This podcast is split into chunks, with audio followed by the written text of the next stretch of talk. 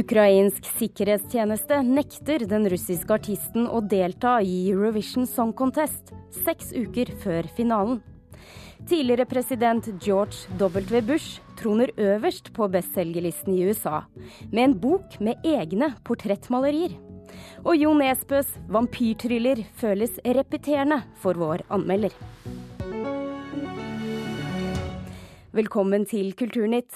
Jeg heter Stine Tråholt. Vi starter i dag med Eurovision Song Contest og konflikten mellom Ukraina og Russland.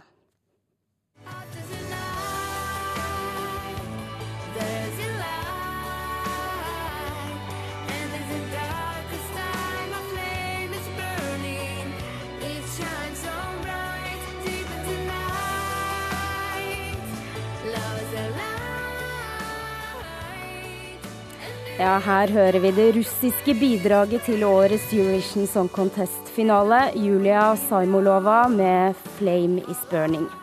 Sjefen for ukrainsk sikkerhetstjeneste sier nå at den russiske artisten ikke får komme inn i Ukraina. Og det bare seks uker før finalen i Kiev. Russland-korrespondent Morten Jentoft, hvor betent er denne situasjonen nå? Klart at eh, situasjonen er, er, eh, veldig betent. Det pågår et eh, spill nå for publikum fra begge sider. I går hørte vi først eh, pressetalsmann Dmitrij Peskov, eh, president Vladimir Putins pressetalsmann, si at eh, han hadde fått signaler om at alt var i orden, at Julia Samoilova skulle få komme til Kiev.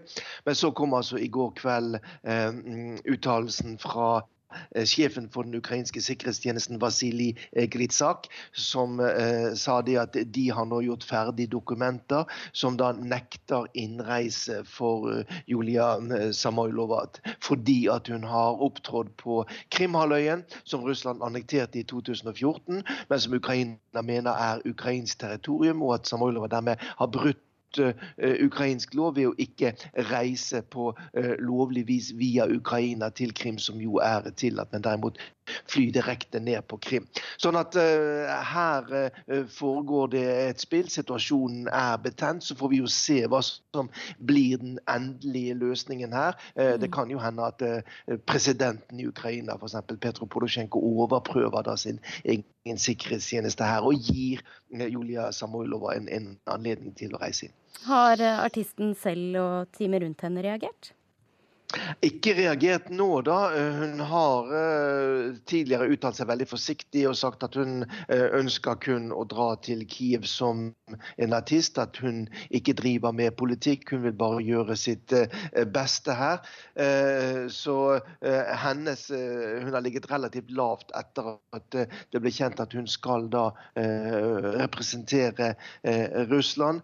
Men Eh, vi vet jo at Russland da også har sendt en artist som sitter i rullestol som er sterkt funksjonshemmet. sånn at her uh, er det nok helt tydelig at man fra russisk side også uh, spiller på en mulig sympati som Julia Samoilova kan få hvis hun eventuelt skulle bli nektet innreise til Ukraina. Ja, og Er det noe som tyder på at russerne valgte denne artisten fordi det ville provosere Ukraina?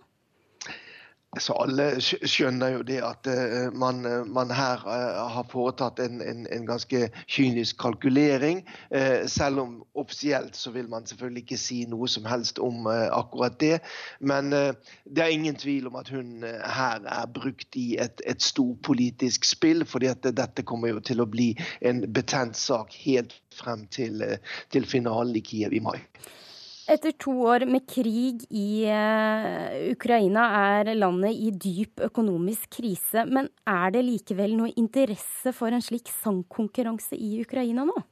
Ja, det er klart at Dette er uh, veldig stor prestisje for Ukraina å kunne få arrangere en slik konkurranse uh, opp i den situasjonen som de står uh, nå. de vant jo med et bidrag i fjor da, som tok opp krimtatarenes situasjon.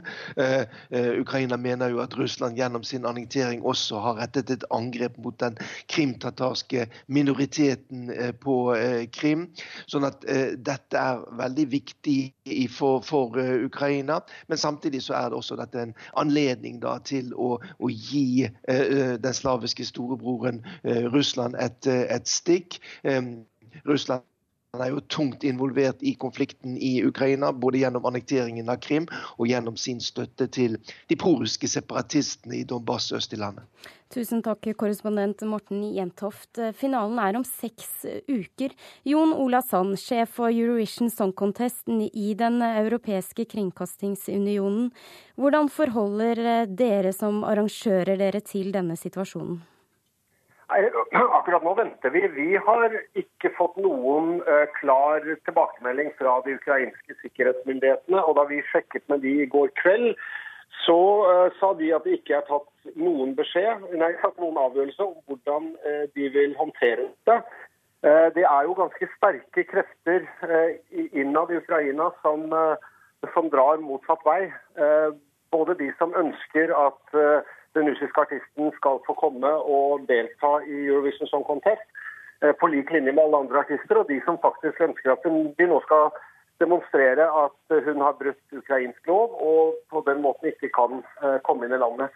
Vi følger jo dette veldig tett og er veldig opptatt og har signalisert det hele veien om at vi må finne en løsning som gjør at Eurovision Song Contest i Ukraina kan bli det det fantastiske arrangementet som også ukrainerne ønsker. Ja, Men kan dere egentlig påvirke dette i det hele tatt? Vi har jo bedt om utvidede sikkerhetsgarantier i Ukraina pga. situasjonen der. Og uh, Derfor så er det kun uh, sikkerhetsmyndighetene i Ukraina som kan ta den endelige avgjørelsen på basis av de lovene og de vurderingene de gjør. Nå kan man kanskje si at en, en, en artist i rullestol ikke utgjør en stor sikkerhetsrisiko, men dette kan jo også eh, utløse eh, ja, kan, Det kan virke provoserende og kan kanskje utløse eh, aksjoner eller andre ting som kan bli ubehagelig, eller kanskje til og med farlig. Så, så vi, må, vi, må, ha en god dialog med de ukrainske myndighetene, og så må vi følge de rådene vi får fra sikkerhetsmyndighetene. Og Hva syns du om at Russland og Ukraina forsøker å bruke Eurovision-finalen politisk? Nei, Det er vel helt uunngåelig, sånn som eh, det bakteppet er. Eh, men jeg kan ikke si at dette har spisset seg så mye som vi kanskje trodde på forhånd da vi startet å jobbe i Ukraina. Jeg synes Det har gått veldig fint fram til nå. Det er ikke tatt noen avgjørelse rundt den eh, russiske artisten. Vi har god dialog med begge sider. Og det er klart at de eh, ukrainske både myndigheter og, og kringkasterne der nede er veldig klar over at, at, dette godt kan slå tilbake på de selv hvis de ikke eh, velger å, å, å, gjøre Eurovision Song Contest på en sånn måte som egentlig alle i Europa forventer. Ja. Du har sagt tidligere at det har vært store og, og, problemer og forsinkelser i forberedelser til dette, dette arrangementet, at du aldri har opplevd noe lignende. Hvordan ligger dere i rute nå? Nei, vi, eh, vi, ligger for så vidt uh, der vi skal være, men det er fremdeles store utfordringer. Nå kommer de, eh, de, største leverandørene ned til Ukraina for å starte riggeprosessen. Det er en del ting som ikke er konkludert, det er en er ting vi ikke har fått på plass ennå. Men det kommer vi til å få på plass. Men som du sier, det har vært store utfordringer, og de vil nok følge oss i enda noen uker fram mot prøvestart i slutten av april. Til slutt, eh, Sand. Dere ønsker at Eurovision skal være en festkveld fri for både politikk og uenighet. Er det mulig å få til nå? Jeg tror at vi skal skape tre fantastiske kvelder i Kiev som skal fokusere på alt annet enn krig og elendighet. Men det er klart med den situasjonen som Europa står oppi, spesielt den situasjonen som Ukraina er i, eh, så vil nok det prege både de journalistene som kommer ned for å skrive om dette, og, og, det kan jo også trygge andre hendelser. Men programmene i seg selv og artistene eh, vil kunne bidra til at det blir tre flotte kvelder eh, ut fra Kiev i mai. Tusen takk, Jon Olavsson, sjef for Eurovision Song Contest i Den europeiske kringkastingsunionen.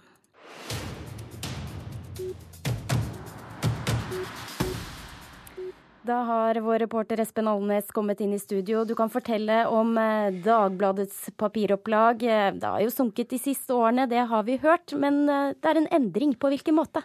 Jo, nå er det slik at snart er det flere som har kjøpt, seg Dagblad pluss-abonnement, enn de som da plukka opp papiraviser i kiosken. Og sjefredaktør Jon Anne Markussen sier til Klassekampen i dag at nå er de i ferd med å bli ei abonnementsavis. Og dersom det skjer, så kan det komme til å kvalifisere til pressestøtte. Og hva gjør Dagbladet med dette? Du, eh, Det er jo slik at eh, dersom de skulle få denne pressestøtta, så vil jo det bety at eh, det blir mindre penger til de som får pressestøtte i dag. Men Markussen sier til Klassekampen at han, det er ikke aktuelt å søke akkurat nå, men man får se, sier han. Og så skal vi til Italia. Noi latini, noi italiani, parli di una donna bionda, occhi azzurri, hva er dette, Espen Holme? Du, dette er fra lørdagens utgave av det italienske talkshowet Parliamone Sabato. Eh, la oss snakke om det på lørdag. Både ledelsen og de ansatte i den statlige TV-kanalen RAI reagerer kraftig på programmet som ble sendt eh, lørdag. Grunnen var at det ble ramsa opp en rekke grunner til at østeuropeiske kvinner er bedre enn italienske kvinner. De er bedre mødre, de holder en perfekt figur etter å ha født barn, og tilgir når det blir for rått, og la mannen ta kontroll. Det var blant de tingene som ble sagt. Oi. Ledelsen i RAI de sier seg nå lei for at innslaget ble sendt, og sier at dette her ikke er i tråd verken med mandatet som allmennkringkaster eller den redaksjonelle linja. Tusen takk, reporter Espen Alnes. I nattens mulm og mørke i går lanserte Jo Nesbø sin eh, siste bok i Oslo sentrum. 'Tørst' heter den boka, med et førsteopplag som er historisk høyt, med 300 000 eksemplarer.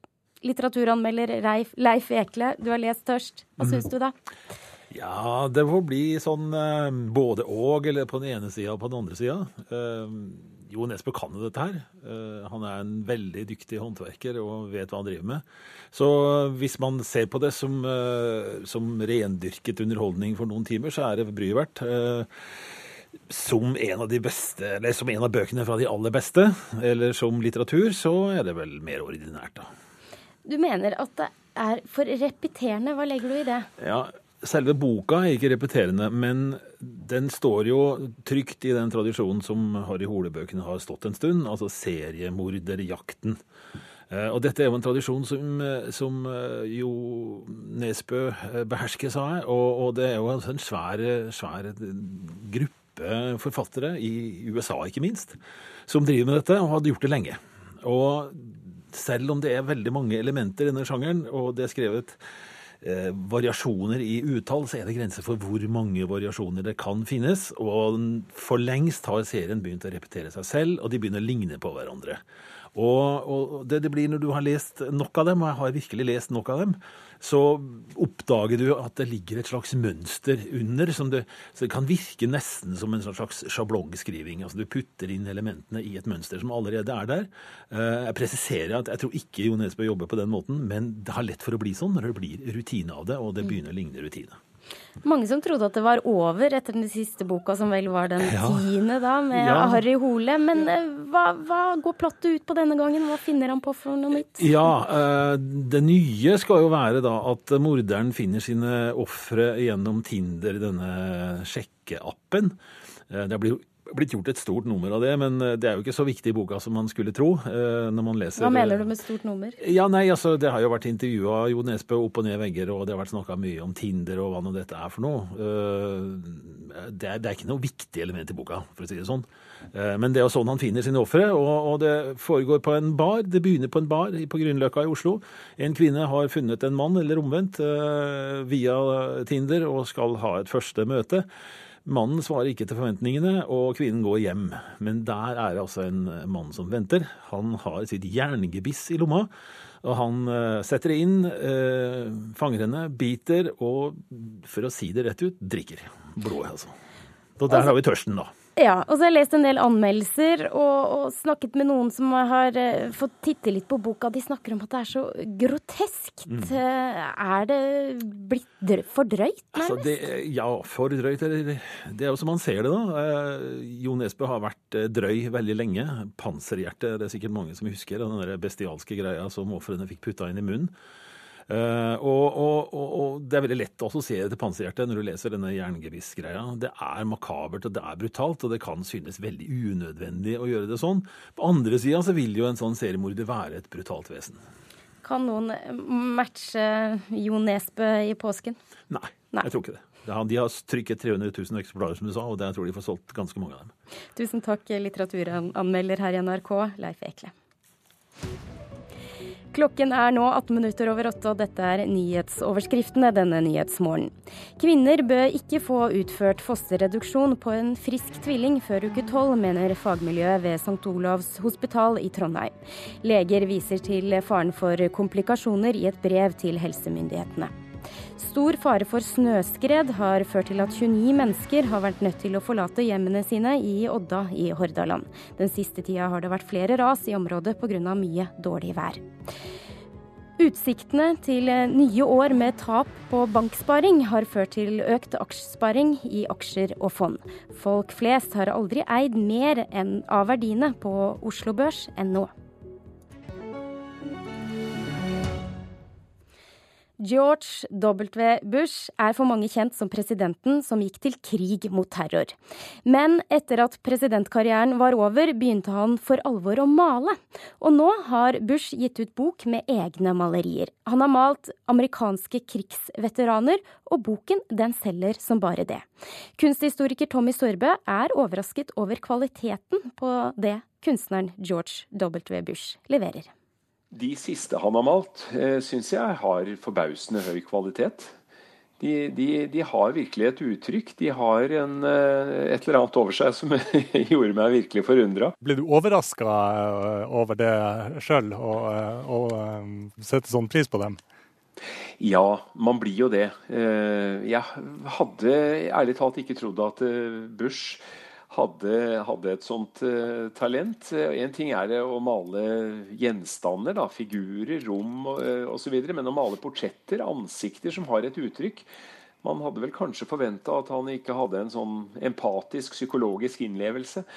Nei, jeg, jeg syns de har holdt forbausende høy kvalitet. Hva er det som gjør eh, disse bildene gode?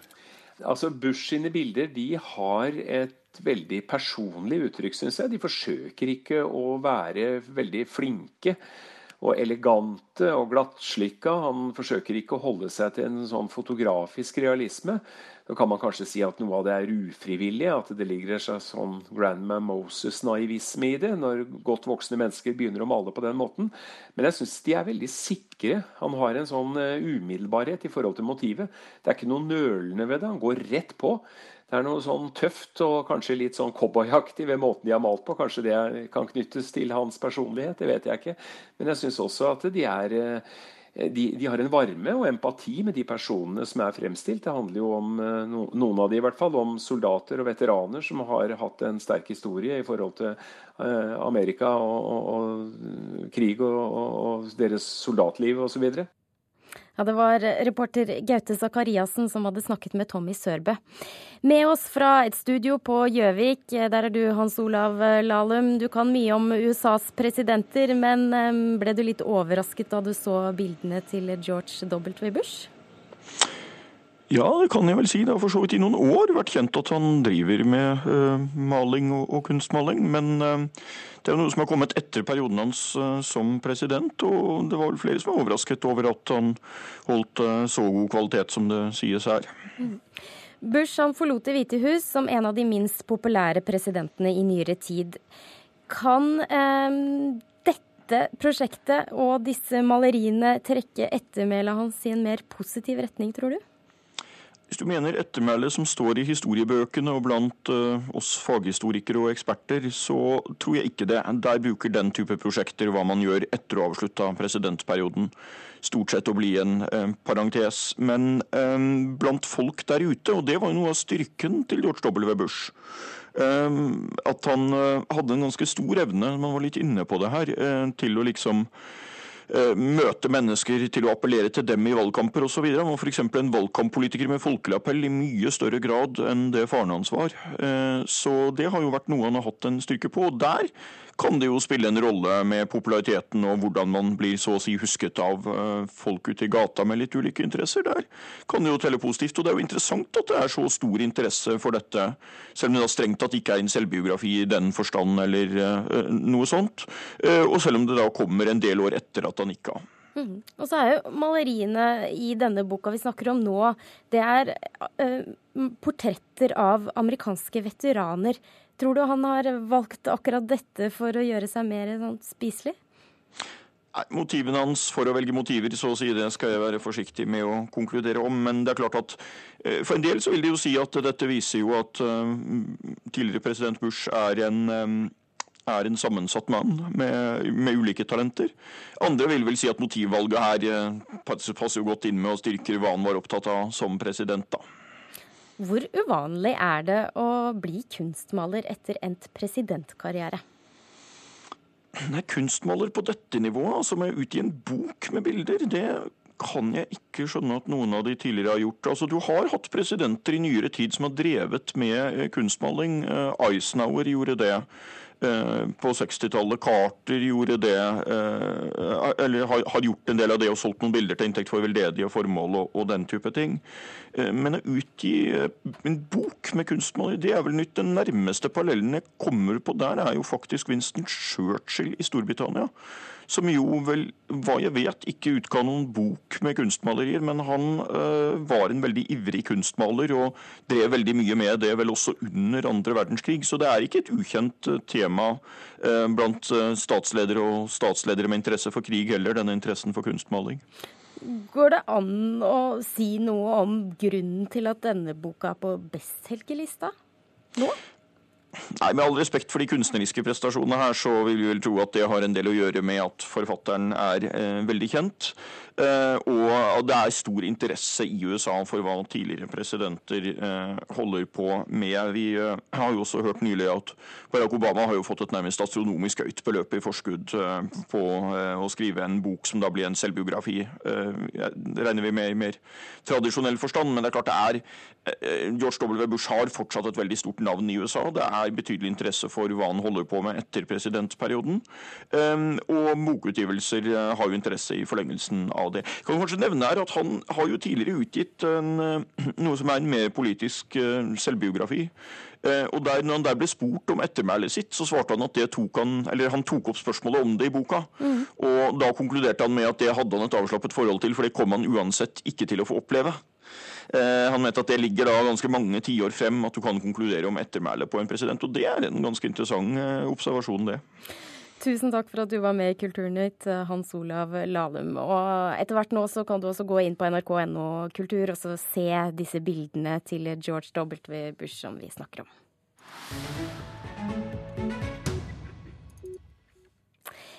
«15 kommuner vest for Oslo, den såkalte Vestregionen, har lyst til å bruke kunst for å styrke folkehelsen. Og i dag så samlet både kultur- og helsearbeidere på Henny Jonstad kunstsenter i Bærum som en slags oppstart til dette arrangementet. Velkommen Kari Sørensen, helsekoordinator i Vestregionen, og Lena Hansson, leder for prosjektet Kunst rett vest. Hvordan kan kunst styrke folkehelsen? Ja, tusen takk for at vi fikk eh, komme.